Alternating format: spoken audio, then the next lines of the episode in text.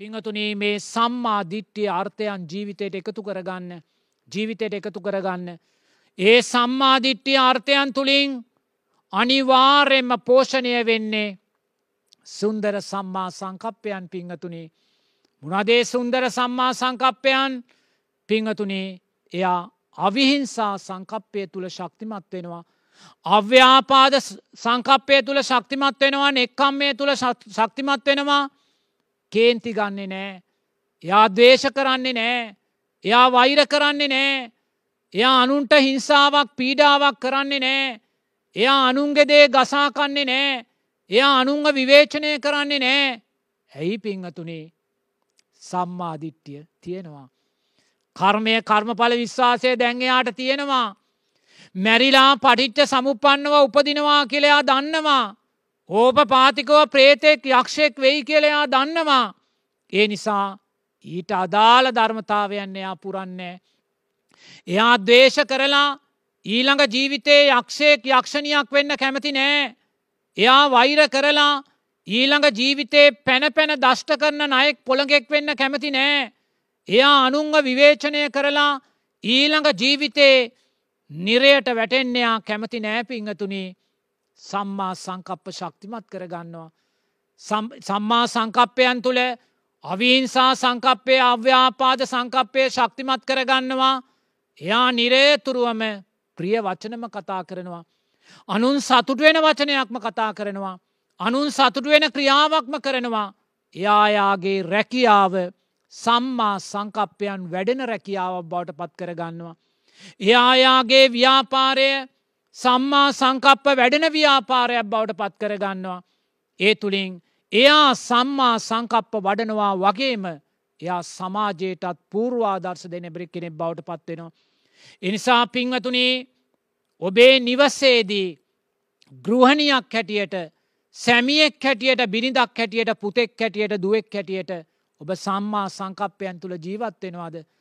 ඔබ දවසට කීපාරක් කේන්ති ගන්නවද ඔබ දවසට කීපාරක් නපුරු සිත් ඇති කර ගන්නවද ඔබ දවසට කීපාරක් හිංසාකාරී දේවල් කරනවද පිංහතුනේ සම්මා සංකප්ප දුර්වල වෙලා යනවා. හේතුඵල ධර්මයන්ට අදාළව ජීවිතේ දකින්නේ නෑ. මගේ දරුවා අකමැති දෙයක් කරන්නේ මගේ සාම්පුරුෂයා අකමැති දෙයක් කරන්නේ මගේ බිරිඳ අකමැති දෙයක් කරන්නේ මගේ අම්ම තාත්තා අකමැති දෙයක් කරන්නේ මගේ අකුසල් සංස්කාරයක් නිසා පිංහතුනේ මගේ අකුසල් සංස්කාරයක් නිසා දෙයනේ මගේ භික්‍ෂු ජීවිතේ මම කැමති දේවල් සීයට දහයක්වත් වෙලා නෑ පිංහතුනි. මම කැමති දේවල් සීයට දහයක්වත් මම සමාජය තුළින් දකින්නේ නෑ. මම දැක්කොත් දකින්නේ මං අකමැති දෙයක්මයි. මන් දැක්කොත් දකින්න මං අකමැති දෙයක්මයි. මං අකමැති දෙයක් දැක්ක වෙලාවේ මං කල්පනා කළා ඇයි දෙයනේ මං අකමැති දේම මේ සිද්ධ වෙන්නේ. ඇයි මං මේ පා කියන දේම කරන්නේ. ඇයි මං මේ වැරදිී කියන දේම කරන්නේ. මන් කල්පනා වුණා දෙයනේ මම ගිහි ජීවිතයේදී. මගේ ළමා කාලෙදි මගේ තරුණ කාලෙදී. මං මගේ අම්මා තාත්තා කියපු දේවල්ලොලින් සීයට පණහක් මං කරලා නෑ පිංහතුනේ. අම්මා තාත්තා කියපු දේවල්වලින් අම්මා තාත්තා මගෙන් බලාපොරොත්තුන දේවල්වලින් මගේ අම්මා තාත්තාට මං සීයට පණහක් දේවල් කරලා නෑ. ඒ අය අකමැති දෙයක් මයි මං කළේ. ඒ අය අස්සතුටු දෙයක් මයි කළේ. පුතේ අටට ගෙදර එන්න ඕනෙ කිව්වාම මන් රෑ දොළහට ආවේ. පුතේ හෙට අහවල් ගමන යන්න එපා කිව්වාම මම ගියා. පුතා මේ දේ කරන්න එපා කිව්වාම මං කලා. ඒගොල්ලො අකමැති දේම මං කලා. පිංහතුනේ සංස්කාරයන් එලව එලවා එලව එලවා විපාක දෙනවා. ඒ මහා බ්‍රහ්මයින්ට ඒ රහතන් වහන්සේලාට අතීතයේ සම්මා දිට්ටිය නොදන්නා භාවය නිසා මං කරගත්තා වූ අකුසල්. ඒ අයගේ අසතුට උදෙසා කලා වූ දේවල් වර්තමානයේ සමාජය තුළින් එල්ලව එලවා එලව එලවා මට පාර දෙනවා සුන්දර ධර්මයක් පිංහතුනේ. මෙවැනි සුන්දර ධර්මයක් ලොවතුරා බුදුරජාණන් වහන්සේගෙන් තොරව කෙනෙක් කෙසේ නම් දැනගන්නද. කෙනෙක් කෙසේ නම් ඉගෙන ගන්නද කෙනෙක්ට කෙසේ නම් වැටහෙන්නද පිංහතුනී ලෝකය මට අකීකරු වෙද්දි ඒකටත් සුන්දර හේතුව මමමයි පිංහතුනේ සුන්දර සම්මා සංකප්පයන්. එනිසා මංකිව්වාට පස්සේ ශබ්ද නගලා කියන්න.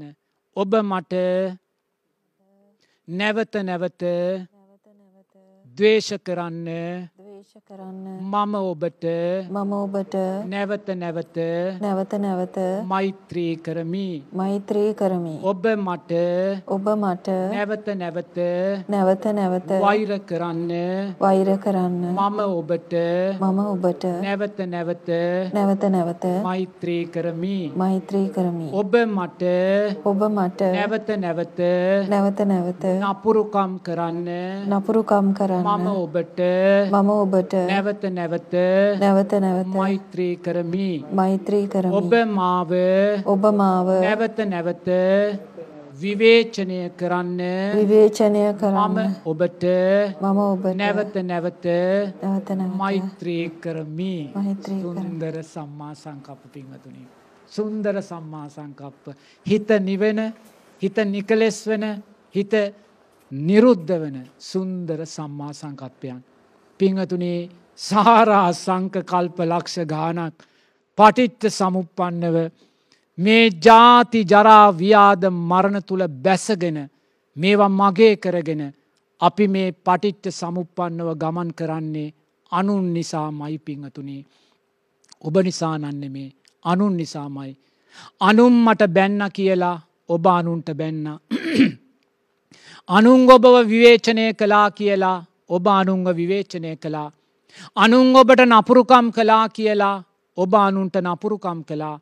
අනුම් ඔබට දේශ කලා කියලා බාධ කලා කියලා ඔබ අනුන්ට දේශ කලා බාධ කලා පිංවතුනේ සාරා සංක කල්ප ලක්ෂ ගානක් අනුන් නිසා බව ගමනේ දුවන්නා වූ අවාසනාවන්ත පිරිසක් ඔබ.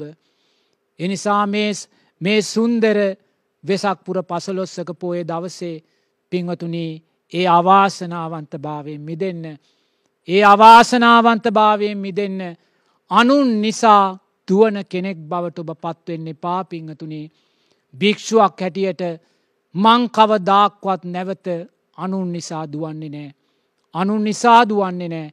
එක දසමයක් දුවන්නේ නෑ පිංහතුනේ ඒ කියන්නේ අනුන් නිසා සංස්කාරයක් මන් රැස් කරන්නේ මට කෙනෙක් ගැහුවත් මං ඒක ධර්මය උපේක්ෂාවෙන් දකිනවා.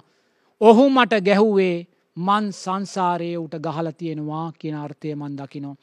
එනිසා පිංහතුනේ මේ සුන්දර වෙසක් පුරපසලොස්සක පෝය දවසේ මේ සුන්දර සම්මා සංකප්පයන් ජීවිතයට එකතු කරගෙන අනුන් නිසා සංස්කාර රැස් නොකරගන්නා වූ කෙනෙක් බවට පත්වෙන්න. ඒ දවසට හිතයොමු කරන්න ඒ දවසට හිතයොමු කරන්න ඒ කියන අතීත පංචුපාදානස්කන්දයට හිතයොමු කරන්න. අනුන් නිසා ඔබ කොච්චර අකුසල් රැස් කර ගත්තද. ඔබ ඊයේ රාත්‍රී රූපවාහිනයේ ප්‍රවෘත්ති බලපු කෙනෙක් නං ඔබ වාඩි වෙලායේ ප්‍රවෘත්ති බලද්දී අනුන් නිසා කොච්චර ලෝබදේශ මෝයන් ඇති කර ගත්තද. එක පැය භාගෙදී. ඔබ රූපවාහිනී ටෙලිනාට්‍යයක් බලද්දී ඔබ රූපවාහිනී සාකච්ඡාවක් දේශපාලන සාකච්ඡාවක් බලද්දී. එහෙම නැත්තං ඔබ සෙනක පිරිච්ච වෙලාවේ බස්සේකට නගිද්දි කෝච්චියකට නගිද්දී.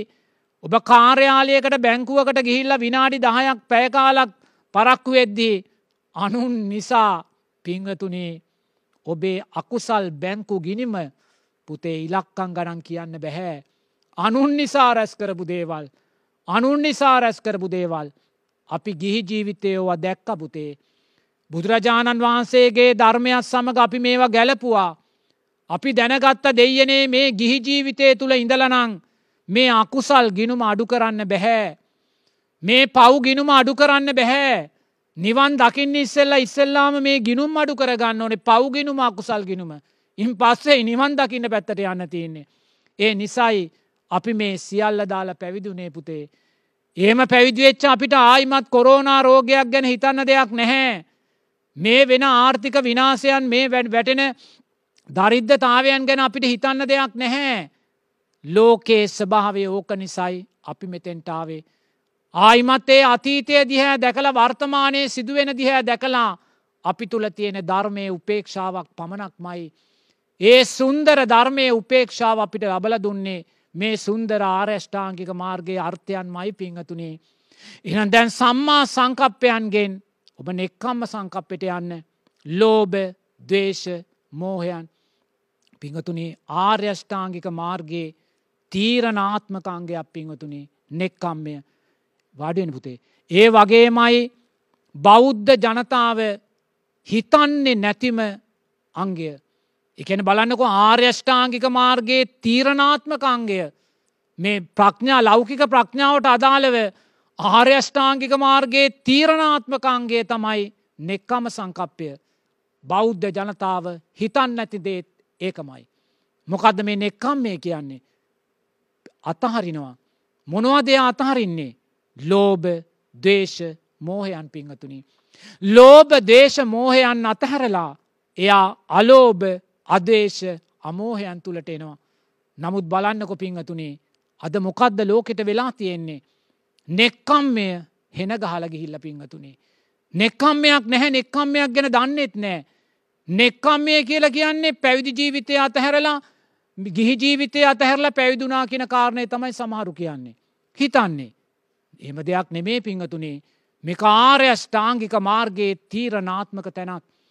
බුදුරජාණන් වහන්සේ දේශනා කරනවා මහනෙන මේ කාය කර්මයන්ට වඩා මේ වචී කර්මයන්ට වඩා මනෝ කර්මයන් බලවත් කියල පිංහතුනේ.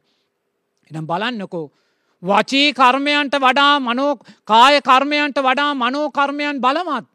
මොකද මේ මනෝකර්මයන් කියන්නේ ලෝබ දේශ මෝහයන් පිංහතුනේ.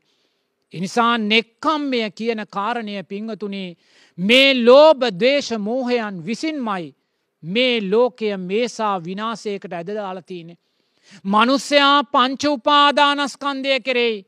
රූප වේදනා සංඥා සංකාර විඤ්ඥාණයන් කෙරෙයි ඇතිකර ගත්තා වූ ලෝබසිත පිංහතුනේ.